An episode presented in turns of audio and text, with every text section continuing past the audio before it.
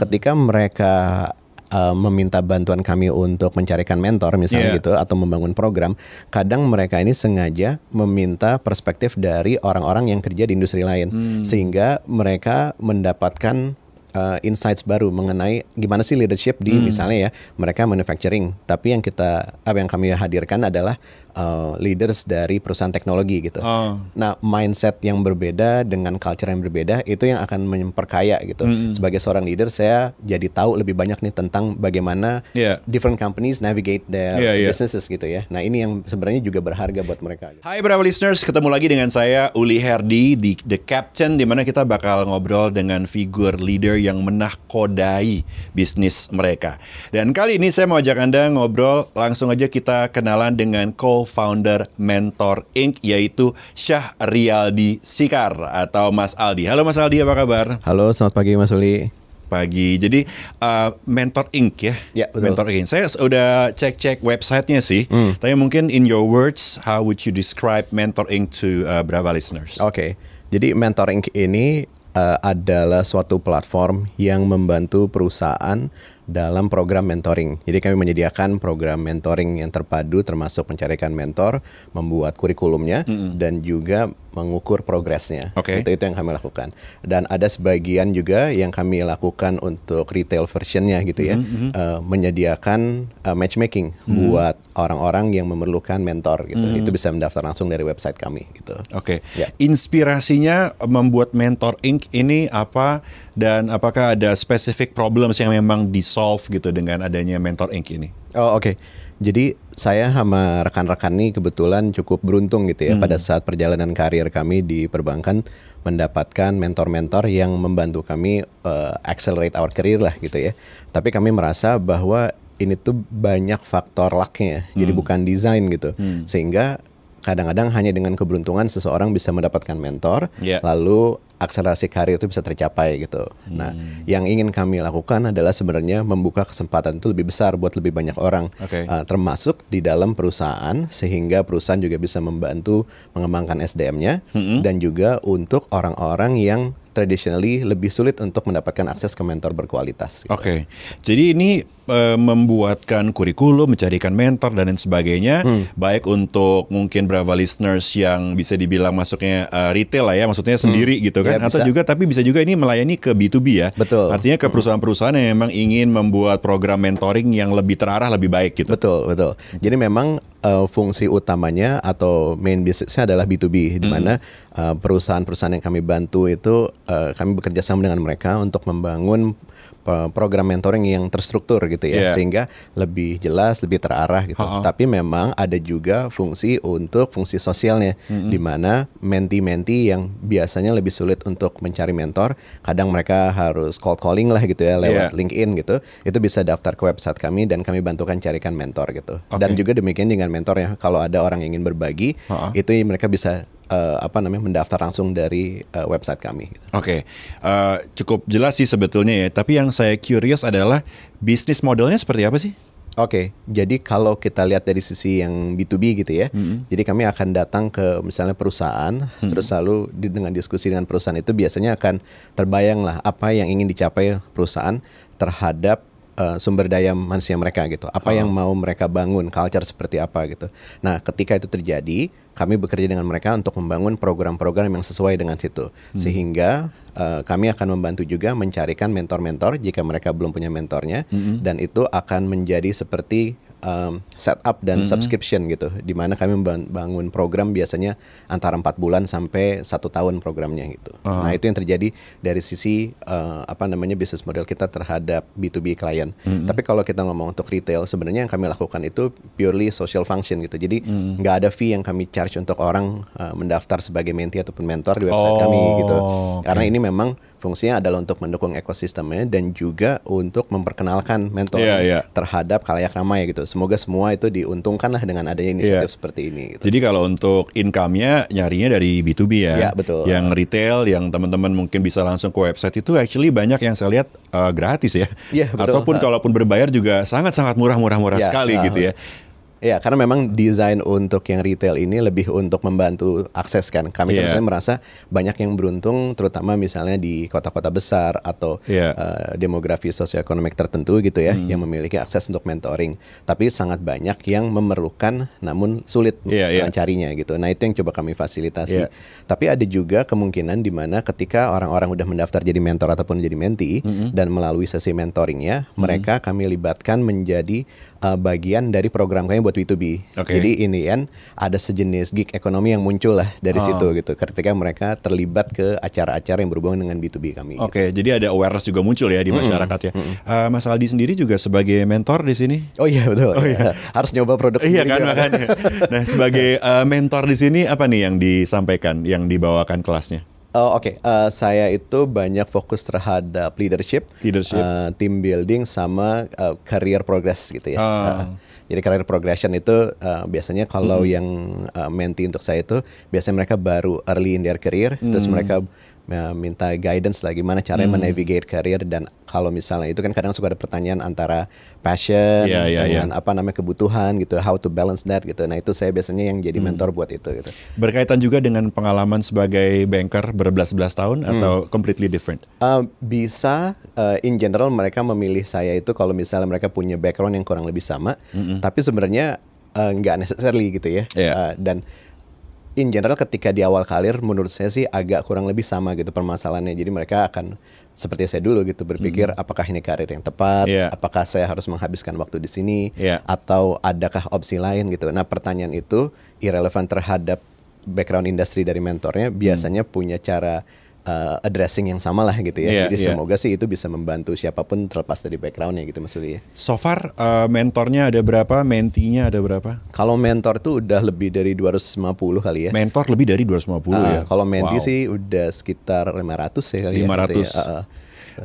Eh, 250 itu berarti di Indonesia aja atau Oh enggak enggak. Jadi uh, mentornya juga enggak semuanya orang Indonesia sih gitu ya. Oh, gitu. Uh, jadi ada juga orang-orang asing yang mendaftar jadi mentor, terutama uh, awalnya mungkin mereka dari network saya dan rekan-rekan saya gitu kan. Ketika kami kerja di bank kan kami make connection sama orang-orang di luar Indonesia. Nah Iya. mereka juga ada yang mendaftar jadi mentor. Uh, biasanya cukup senior lah levelnya gitu ya. Terus habis itu sisanya itu tersebar di Indonesia di berbagai kota ataupun orang Indonesia yang sedang uh, bekerja atau kuliah di luar negeri. Gitu. Siap. Berarti kalau misalnya 250 anggap deh ya, rasionya kan satu banding dua nih ya. Berarti eh, cukup intens ya. Ini bukan kelas ya, ini mentor perorangan atau gimana Oh iya sih? betul. Jadi kalau bentuknya untuk yang B2B memang uh, fokusnya adalah up to one to five gitu ya. Satu Jadi, banding lima. uh, Untuk satu mentor, satu lima mentor ada lima mentee. mentee. Untuk Dan yang i- B2B ya? Untuk B2B Oke. itu bisa terjadi pada saat yang bersamaan atau di sesi yang terpisah. Tapi in general karena keterbatasan waktu dari para mentor gitu ya. Mentor Iya. ini kan uh, umumnya mereka profesional yang masih bekerja gitu Iya. ya. Jadi mereka ketika mereka contribute terhadap B2B program uh, ada keterbatasan waktu lah gitu Iya, ya sehingga biasanya satu banding lima gitu atau satu orang mentoring lima orang bisa dalam satu sesi yang sama. Iya. Tapi kalau kita ngomong yang untuk yang retailnya gitu itu memang kita bantu, kami bantunya itu untuk one on one gitu. Jadi Mm. mereka satu orang itu memang uh, meluangkan waktu khusus buat satu orang Satu lain orang mentor, yang mereka uh, address uh, problem atau suatu topik yang sudah ditentukan sebelumnya. Oke. Jadi cara kerjanya- Jadi nggak ke mana-mana juga Ah, ya. Jadi cara kerjanya ketika seorang mentee mendaftar, dia akan mendapatkan tiga pilihan mentor. Oke. Nah dia yang akan menentukan urutan pilihan mentornya itu yang dia prefer seperti apa gitu. Oke. Nah ketika mentornya oke gitu ya dan uh, mentornya bersedia melakukan sesi mentoring, dia sudah menerima tuh guidance-nya topik yang tentang apa dan bagaimana cara deliver mentoring sessionnya. Jadi memang Si mentornya si ini? mentor dan mentinya. Oke. Jadi kami yang provide gitu ya. Ada Jadi guides dari mentor ini sudah sudah memprovide ada guidance gitu Guidance-nya. bagaimana cara melakukan mentoring Oke. terus eh, apa effective question seperti apa gitu kan eh, do's and don'ts-nya lah gitu Hmm. Iya, ya. menarik ya. Tapi memang temanya yang milih adalah si mentee karena dia yang punya ini kan, kebutuhan. kebutuhan betul. Ya. Oke. Eh, untuk bisnis model benefit untuk si mentornya misalnya, Hmm. do they get paid atau this is for free atau kayak gimana sih? Ka- ketika mereka daftar ke platform sebagai individual users gitu ya, uh, mereka itu didrive oleh uh, keinginan mereka untuk berbagi. Jadi yang uh, kami temukan nih sebelum melakukan ini kan hampir setahun lah gitu ya. Uh, jadi banyak banget sebenarnya orang yang ingin berbagi, tapi mereka belum tahu platformnya di mana gitu. Jadi hmm. misalnya gini, Mas Uli kan punya pengalaman sebagai penyiar gitu ya. Yeah. Nah jadi ketika misalnya Mas Uli ingin uh, ada orang mau nanya gitu, bisa nggak sih Mas Uli cerita tentang uh, apa broadcasting gitu yeah. kan dan lika-likunya gitu. Mas Uli mungkin bersedia, tapi kalau misalnya Mas Uli di awalnya harus mengadakan kelas sendiri, mengatur menemukan siapa gitu, itu kan mungkin akan effort yang lebih besar gitu ya. Nah, jadi kami yang memfasilitasi itu sehingga yang kami dapatkan adalah orang-orang yang memang ingin sekali berbagi sebenarnya hmm. gitu dan mereka ini tidak apa ya uh, mereka tidak mengharapkan imbalan lah sebenarnya gitu. Oke. Okay. Walaupun nantinya ketika mereka bergabung dalam B2B programnya dan hmm. kami minta mereka menjadi bagian dari B2B program kami, hmm. itu memang ada kompensasinya buat mereka. Karena hmm. itu seperti kayak misalnya mereka menjadi kayak eksternal konsultan lah buat kami gitu ya, yeah. associate gitu. Tapi kalau misalnya untuk retailnya ketika mereka mendaftar, hmm. sebenarnya mereka nggak ada ada apa ya mungkin kompensasi khusus gitu. Yeah. Tapi yang kalau kami lihat hampir semua yang mendaftarkan diri itu sangat menyediakan waktunya gitu ya. Hmm. Bahkan kalau boleh saya bilang kayak niatnya tuh luar biasa. Saya kadang-kadang agak kaget juga mereka uh, nyariin video buat mentinya oh. uh, untuk ditonton. Mereka bikin presentasi gitu. Dan itu kan di luar dari yang kami minta sebenarnya dari yeah. mereka gitu ya gitu. Jadi memang cukup ini sih maksudnya cukup dedikasinya ya, luar biasa gitu, ya. ya. betul. Keren keren. Iya. Jadi berapa listeners Anda bisa sebagai uh, menti, bisa sebagai mentor juga betul, gitu ya, bisa betul. daftar. Tadi udah diceritakan bahwa bisnis modelnya artinya kalau dia untuk retail ya it's for free. Ya, betul. Tapi kalau ternyata memang masuk nih ke program B2B-nya hmm. tentunya itu akan ada deal yang dibicarakan lagi ya, ya karena kan tergantung seperti apa durasinya, hmm, durasinya jangkanya, ya, intensitinya dan ya, sebagainya betul. gitu. Nah, untuk untuk para Brava listeners yang mungkin tertarik pengen jadi mentor gitu ya, hmm. pengen gabung. Hmm. Kan tadi diceritakan ya tentunya ada semangat buat berbagi lah ya, gitu. Betul. Tapi kan untuk menjadi mentor itu kan dia juga harus membuat sebuah silabus gitu kan, dia menentukan hmm. materinya hmm. seperti apa hmm. ataukah mungkin dia harus mikirin nanti presentasinya, dia harus creating deck misalnya hmm. atau hmm, enggak. Hmm. Nah, itu apakah ada standarisasinya tersendiri oh, okay. atau dibebasin tiap mentor itu ya terserah dia mau ngasih apa ke mentinya. Hmm. Nah, ini pertanyaan yang bagus sih. Jadi hmm. um, banyak dari orang-orang yang awalnya belum menjadi mentor ketika saya tanya gitu ya saya tahu misalnya orang-orang di uh, sekitar saya gitu dan mereka memiliki pengalaman yang menurut saya uh, bisa membantu banyak orang gitu hmm. uh, kenapa uh, belum mau jadi mentor gitu misalnya yeah. karena mereka merasa uh, iya saya uh, khawatir kemampuan saya ini belum cukup gitu hmm. atau saya uh, belum bisa menyampaikannya di di level seperti memberikan kelas gitu misalnya yeah. tapi sebenarnya ekspektasi dari menti itu tidak seperti itu gitu. Mm-hmm. Jadi mhm. kami kan melakukan survei terhadap setiap sesi gitu ya. Mm-hmm. Itu 90 mungkin 98% itu sangat puas dengan mentornya. Mm-hmm. Irrespektif dari si mentornya ini menyediakan materi selengkap apa gitu. Okay. Jadi memang sebegitu besarnya kebutuhan akan seorang uh, mentor mm-hmm. ataupun untuk mendapatkan guidance sehingga apa pun yang disediakan oleh mentornya, mereka ini merasa mendapatkan sesuatu kesempatan yang unik gitu. Okay. Nah, jadi ketika mentor terlibat dari sisi retail gitu, yeah. dalam artian mereka mendaftar ke website, guidance kami itu sebenarnya cukup untuk membantu mereka to have a, a, a conversation hmm. yang apa namanya uh, sangat membangun gitu. Jadi mereka bisa mengembangkan temanya. Uh, jadi tidak ada ekspektasi sebenarnya untuk membuat sesuatu yang complicated. Itu untuk yang retail untuk ya. Retail. Nah, ketika kami meminta mereka untuk ambil andil gitu ya dalam program B2B, hmm. maka itu kami akan memberikan vehicle-nya lah gitu ya. Hmm. Termasuk temanya, cara mendelivernya gitu, alat ukurnya gitu sehingga uh, mereka ini tidak diharuskan untuk membuat sesuatu yang complicated gitu. Tapi yang terjadi, again, mentornya biasanya sangat total gitu. Jadi mereka yang berinisiatif boleh nggak saya bikin presentasi boleh nggak saya share walaupun video sebenarnya gitu. kayak presentasi deck segala macam itu tidak termasuk sesuatu yang harus dibuat betul oleh uh, jadi kami si menyediakan mentornya. guidance untuk mereka men-share informasi hmm. tapi ya karena kami tahu juga apa namanya uh, komitmen waktu dan semuanya yeah. gitu iya. ya sehingga tidak diwajibkan gitu. Oh, gitu tapi more often than not yang kami lihat ya para mentor tetap melakukan itu karena gitu. mungkin mereka terbiasa mentransfer dengan cara mungkin itu juga, juga gitu ya. Ah, dan mereka okay. mungkin merasa itu yang efektif. Itu yang gitu. efektif uh, ya. Ada juga mungkin tergantung dari background mereka yang mereka lakukan adalah membuat game gitu ya. Oh, itu juga Di mana mereka ya? merasa nyaman untuk mentinya untuk terlibat dengan cara seperti itu gitu. Okay. Nah, itu juga bisa juga gitu. Tapi dari kami sebenarnya uh, resource yang kami sediakan ke mereka itu udah cukup untuk mereka melakukan mentoring session Iya. dan kalau memang dibutuhkan mereka mengaddress a bigger audience gitu itu kami yang membantu menyiapkan materinya juga gitu maksud dalam artian how to present it gitu ya walaupun Siap. materinya intinya dari mereka gitu Oke. Nah, eh, menarik juga tadi diceritakan bahwa ketika Anda bergabung sebagai mentor, sebetulnya juga sudah disediakan banyak eh, apa ya panduan lah ya Ya, untuk betul. bisa menyampaikan dengan baik, tapi juga diberikan cukup besar kebebasan bagi seorang mentor itu untuk menyampaikan dengan cara yang mungkin dia terbiasa, cara yang dia nyaman, kira-kira Ya, seperti betul. itu ya. Ah, ada sistem rating juga nggak sih kalau di mentor Inc ini baik kepada si sang mentornya sendiri atau si uh, mentinya? Karena kan kalau B2B artinya kan juga akan offering these mentors to the companies, Ya, right? Gitu betul. kan. Mereka kan bilang kan butuhnya apa nih? Apakah ada sistem rating terukur gitu yang bilang kalau mentor ini ini ya yang bintang 5 sekian, Ya, bintang ya. 4 sekian gitu atau kayak gimana sih? Nah, jadi si hmm, apa rating function itu sebenarnya untuk um, apa namanya? basically buat kami menentukan apakah mentor ini relevan atau tidak terhadap menti-mentinya gitu. Yeah. Uh, in general, me- rating ini dipergunakan internally untuk memisahkan mana mentor-mentor yang memang uh, memenuhi fungsinya Yeah. ataupun mentor-mentor yang mungkin kurang sesuai gitu. Tapi so far itu uh, I think mungkin I don't know 98% itu sangat puas lah gitu ya terhadap alokasi terhadap mentornya. Iya. Nah, kalau untuk perusahaan mereka lebih um, prefer untuk melihat rekam jejak dari para mentornya. Nah, karena mereka para mentor ini umumnya adalah professionals, jadi Iya.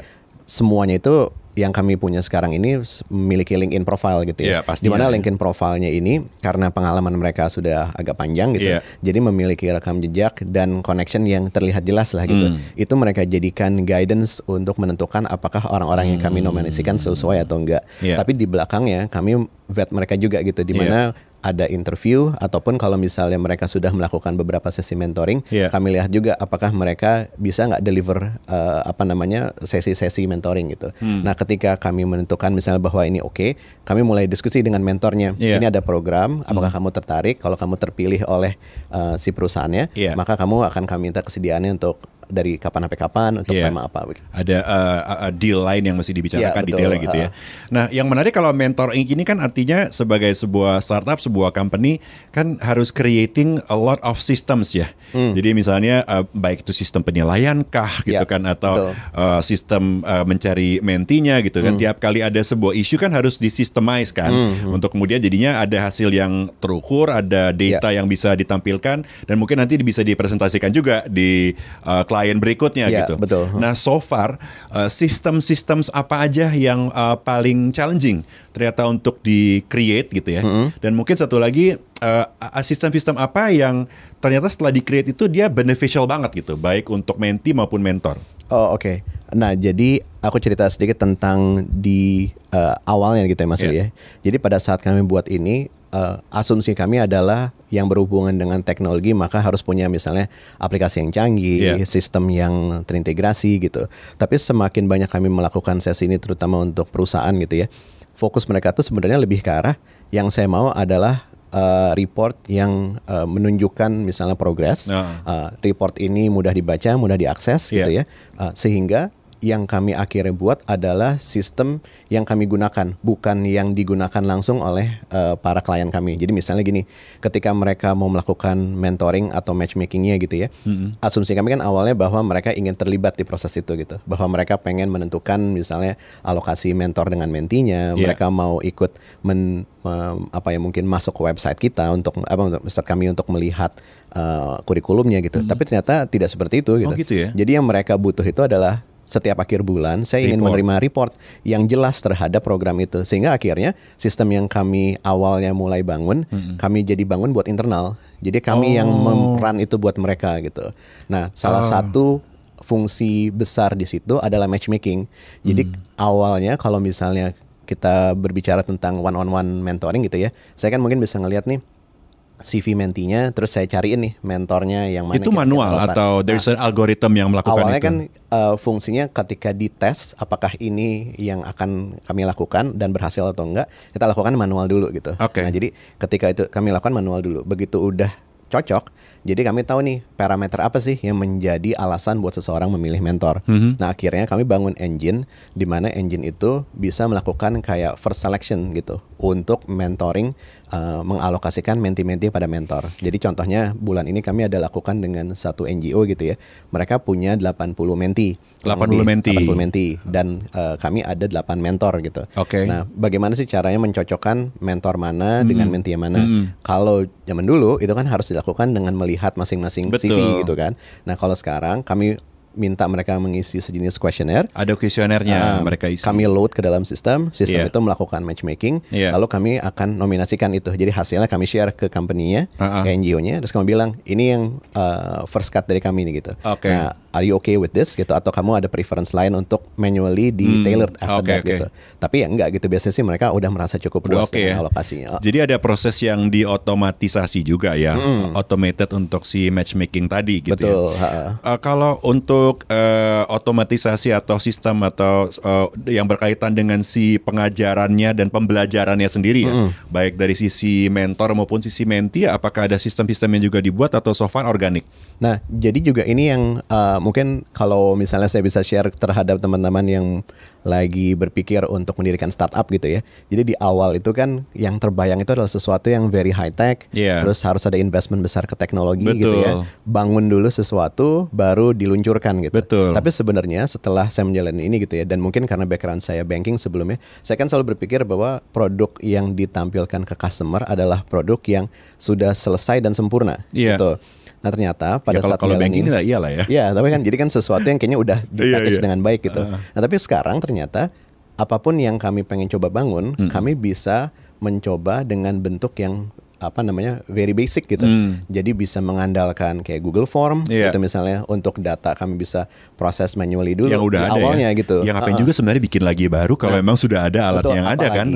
Kalau si klien itu sebenarnya tidak menuntut suatu yang demikian canggih gitu. Iya. Yang mereka butuh Indian adalah reportnya. Jadi Betul. yang penting itu buat kami adalah identify sebenarnya klien ini butuhnya apa. Nah Hmm. itu yang kami bangun gitu. Sehingga ketika nanti yang meng- apa namanya menjalankan proses mentoringnya, Iya. apakah ada yang eh, dilakukan automated sekarang gitu? Iya. Ternyata tidak perlu gitu. Mm-mm. Karena ke, yang harus di automated itu hanya sebatas matchmakingnya pada saat Iya. ini gitu. Ketika nanti mereka sudah melakukan sesi mentoring, Iya. justru individual apa namanya mungkin interaction gitu Iya. ya dan bagaimana mereka menuangkan komentarnya itu yang menjadi sesuatu yang berharga buat perusahaannya dan jadi itu yang kami buat untuk mereka akhirnya gitu. Berarti akhirnya yang lebih banyak dibuat itu eh, bukan ya seperti tadi disampaikan oleh Mas Aldi gitu ya, bukan kita fokus ke otomatisasi karena ini sebuah startup aja, tapi Ya, lebih betul. banyak juga mengenai misalnya SOP-nya atau bahkan eh, mungkin mind mapping-nya gitu Betul. ya, yang yang di create untuk memenuhi eh, permintaan dari klien misalnya kayak gitu ya. Jadi understanding uh, dari kebutuhan si customernya itu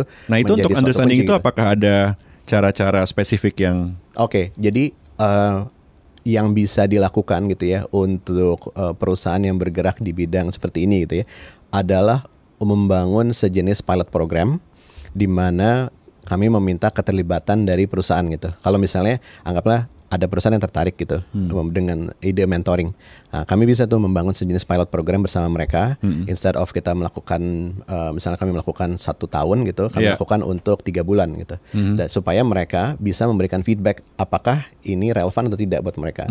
Dan dari kami bisa juga jadinya melihat hal-hal apa sih yang bisa kami lakukan automated atau perlu dilakukan secara automated ataupun yang sebenarnya bisa aja dilakukan dengan cara biasa gitu karena misalnya scale-nya masih kecil gitu dalam Yeah. artian tidak melibatkan banyak eh, apa stakeholders lah gitu ya. Yeah. Nah itu bisa dilakukan. Jadi keterlibatan itu yang membuat kami bisa eh, apa ya mungkin fine tune gitu ya produk kami dari setiap sesi ke sesi berikutnya. Dan karena kami bentuknya apa startup, jadi eh, mengadjust itu tuh sangat mudah gitu. Eh, lain kalian misalnya banking gitu kan Iya, harus iya. ada izin, harus ada apa gitu dan mungkin butuh setahun untuk mengubah sesuatu gitu. Iya. Ini bisa kami lakukan dalam maksudnya hitungan hari gitu kalau Iya. ada adjustment yang perlu kami lakukan gitu. Jadi getting that feedback dari si customer tuh menjadi sesuatu yang sangat penting gitu.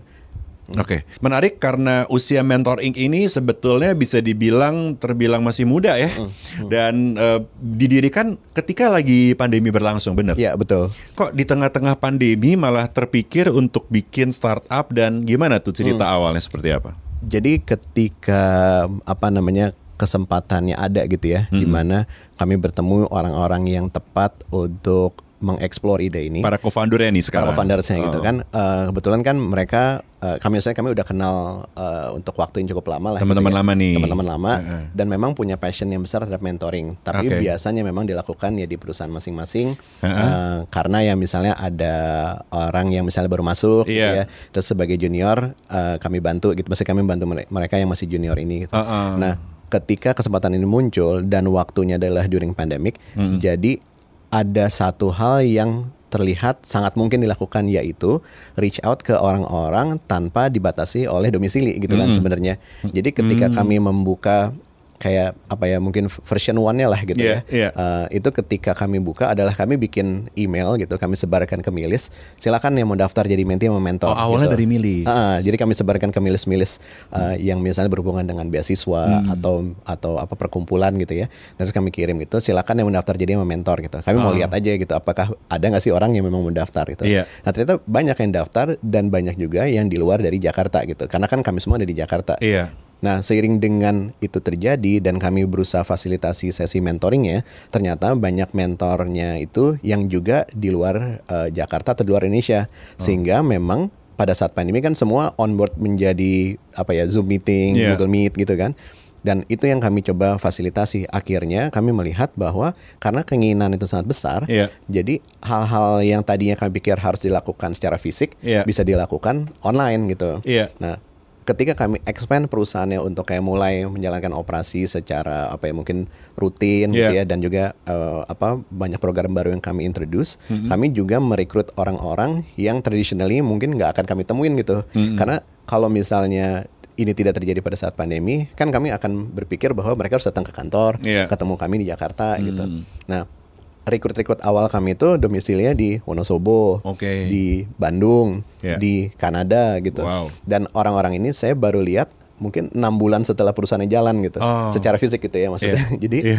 ini yang ternyata menarik karena ketika kami bangun di saat pandemi, justru kami membuka peluang terhadap orang-orang yang mungkin awalnya teristrik oleh eh, ini geografi gitu. Iya, betul. Dan ini yang juga menjadi eh, suatu eh, apa ya mungkin drive buat kami Iya. gitu ya untuk bisa me- menyebarkan misalnya mentoring dan mendemokratisasi ini apa namanya akses terhadap itu gitu. Betul. Nah, inilah yang akhirnya membuat lebih banyak orang akhirnya tergerak untuk join karena mereka nggak harus secara fisik datang juga gitu kan. Dan akhirnya reach-nya itu menjadi lebih besar dari yang kami bayangkan sebelumnya gitu. Oke. Jadi ternyata ya for some business, some type of activities gitu ya, some business and type of activities ada ternyata benefit dari uh, restrictions untuk movement gitu. Iya. Karena yang terjadinya itu secara terpaksa ataupun per awal mungkin tidak mau, ya orang migrate ke online meeting gitu. Betul, Dan betul, ternyata betul. online meeting itu sesuai untuk program mentoring lah gitu. Benar-benar. gitu. Jadi uh, pandemi buat banyak orang juga bisa menjadi blessing in disguise ya, karena menjadi malah opportunity nih buat melakukan sesuatu untuk Betul. solusi Dan terutama buat problem. saya adalah menti-mentinya gitu ya. Karena menti-mentinya ini sekarang jadinya bisa mendapatkan akses terhadap mentor-mentor berkualitas uh, irrespective mereka ada di mana gitu. Iya. gitu. Jadi ini yang uh, menurut saya jadi benefit besar buat mereka dan ini yang apa harapannya bisa membuat knowledge transfer itu jadi lebih fair dan merata gitu ya buat kami gitu. Mm. Ini sudah berjalan uh, kira-kira setahunan, sudah berhubungan dengan banyak menti, berhubungan dengan banyak mentor juga, bertemu juga dengan company-company secara B2B gitu. Nah, ternyata kalau diurut nih misalnya 1 sampai 3 deh, demand tertinggi yang dicari orang itu tuh mentor apa aja sih?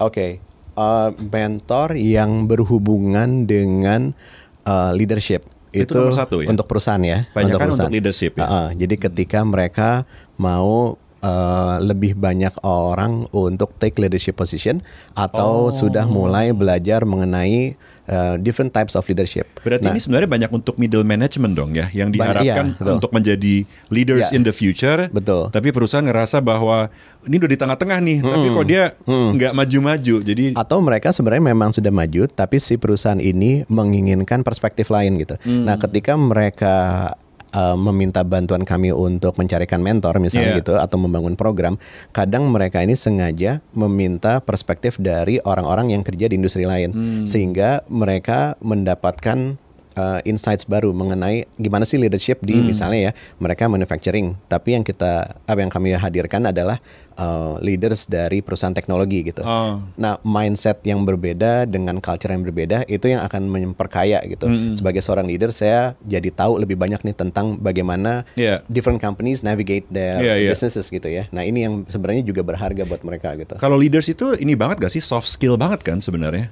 Nah, kalau bentuknya yang diceritakan atau diarahkan itu memang tekniknya, itu akan menjadi seperti itu.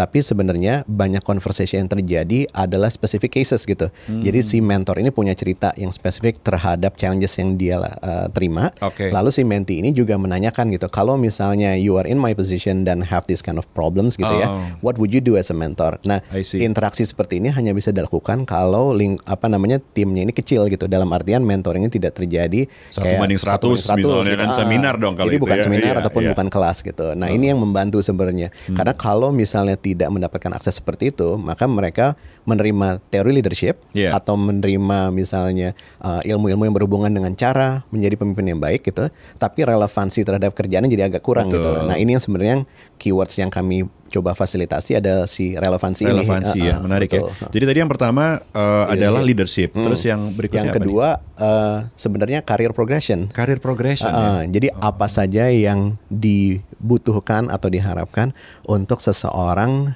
uh, lebih aware terhadap path mereka gitu ya, terhadap career path mereka dan bagaimana caranya untuk uh, mendrive diri mereka untuk mencapai tujuan mereka ini gitu. Nah itu juga menjadi salah satu topik yang sering dipilih. Dan, dan yang ketiga adalah diversity and inclusion. Itu apa tuh? Jadi mengenai misalnya eh, secara ini ya, secara gamblangnya adalah untuk kita tidak bias gitu terhadap orang. Jadi dalam artian biasanya perusahaan ini cukup apa ya kalau kamu bilang eh, spesifik bukan spesifik tapi ada demografi tertentu yang menjadi karyawan mereka. Misalnya berasal dari daerah tertentu, gender tertentu atau misalnya bisa juga dari age eh, apa namanya age range tertentu gitu. Iya. Nah, dengan adanya apa mentor yang membawakan diversity inclusion, mereka ini membawakan tema-tema yang berhubungan dengan kesetaraan gitu. Jadi regardless dari age, gender, race atau uh, religion atau apa pun, semua orang itu dilihat dari kemampuan mereka gitu. Dan bagaimana caranya mentransmit ini ke dalam culture perusahaan gitu. Ini tiga hal ini yang banyak diminta oleh para Para B2B. perusahaan ya betul. Eh, kenapa ya mereka membutuhkannya tiga itu? Apakah betul-betul lacking di tiga sisi itu secara HRD di Indonesia atau? Kalau saya lihat sih sebenarnya bukan karena lacking, tapi karena mereka punya goal yang lebih besar sekarang gitu. Jadi banyak dari perusahaan yang bekerja dengan kami ini uh, sedang transisi untuk mencapai uh, goal yang mereka uh, tentukan lebih tinggi dari generasi-generasi sebelumnya. Jadi di di organisasi yang sama gitu.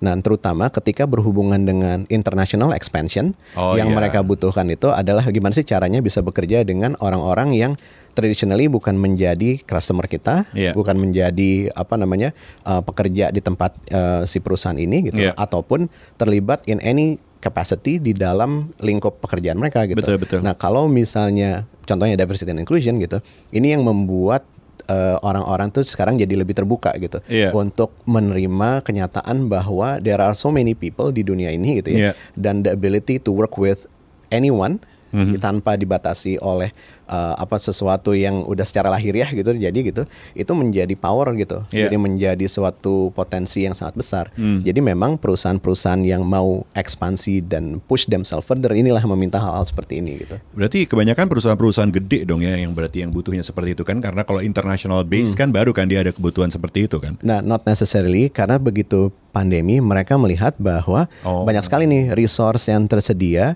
di seluruh dunia gitu uh, dan bisa membantu mereka. Sekarang how to harness that gitu, how to make them comfortable untuk bekerja di perusahaan ini gitu.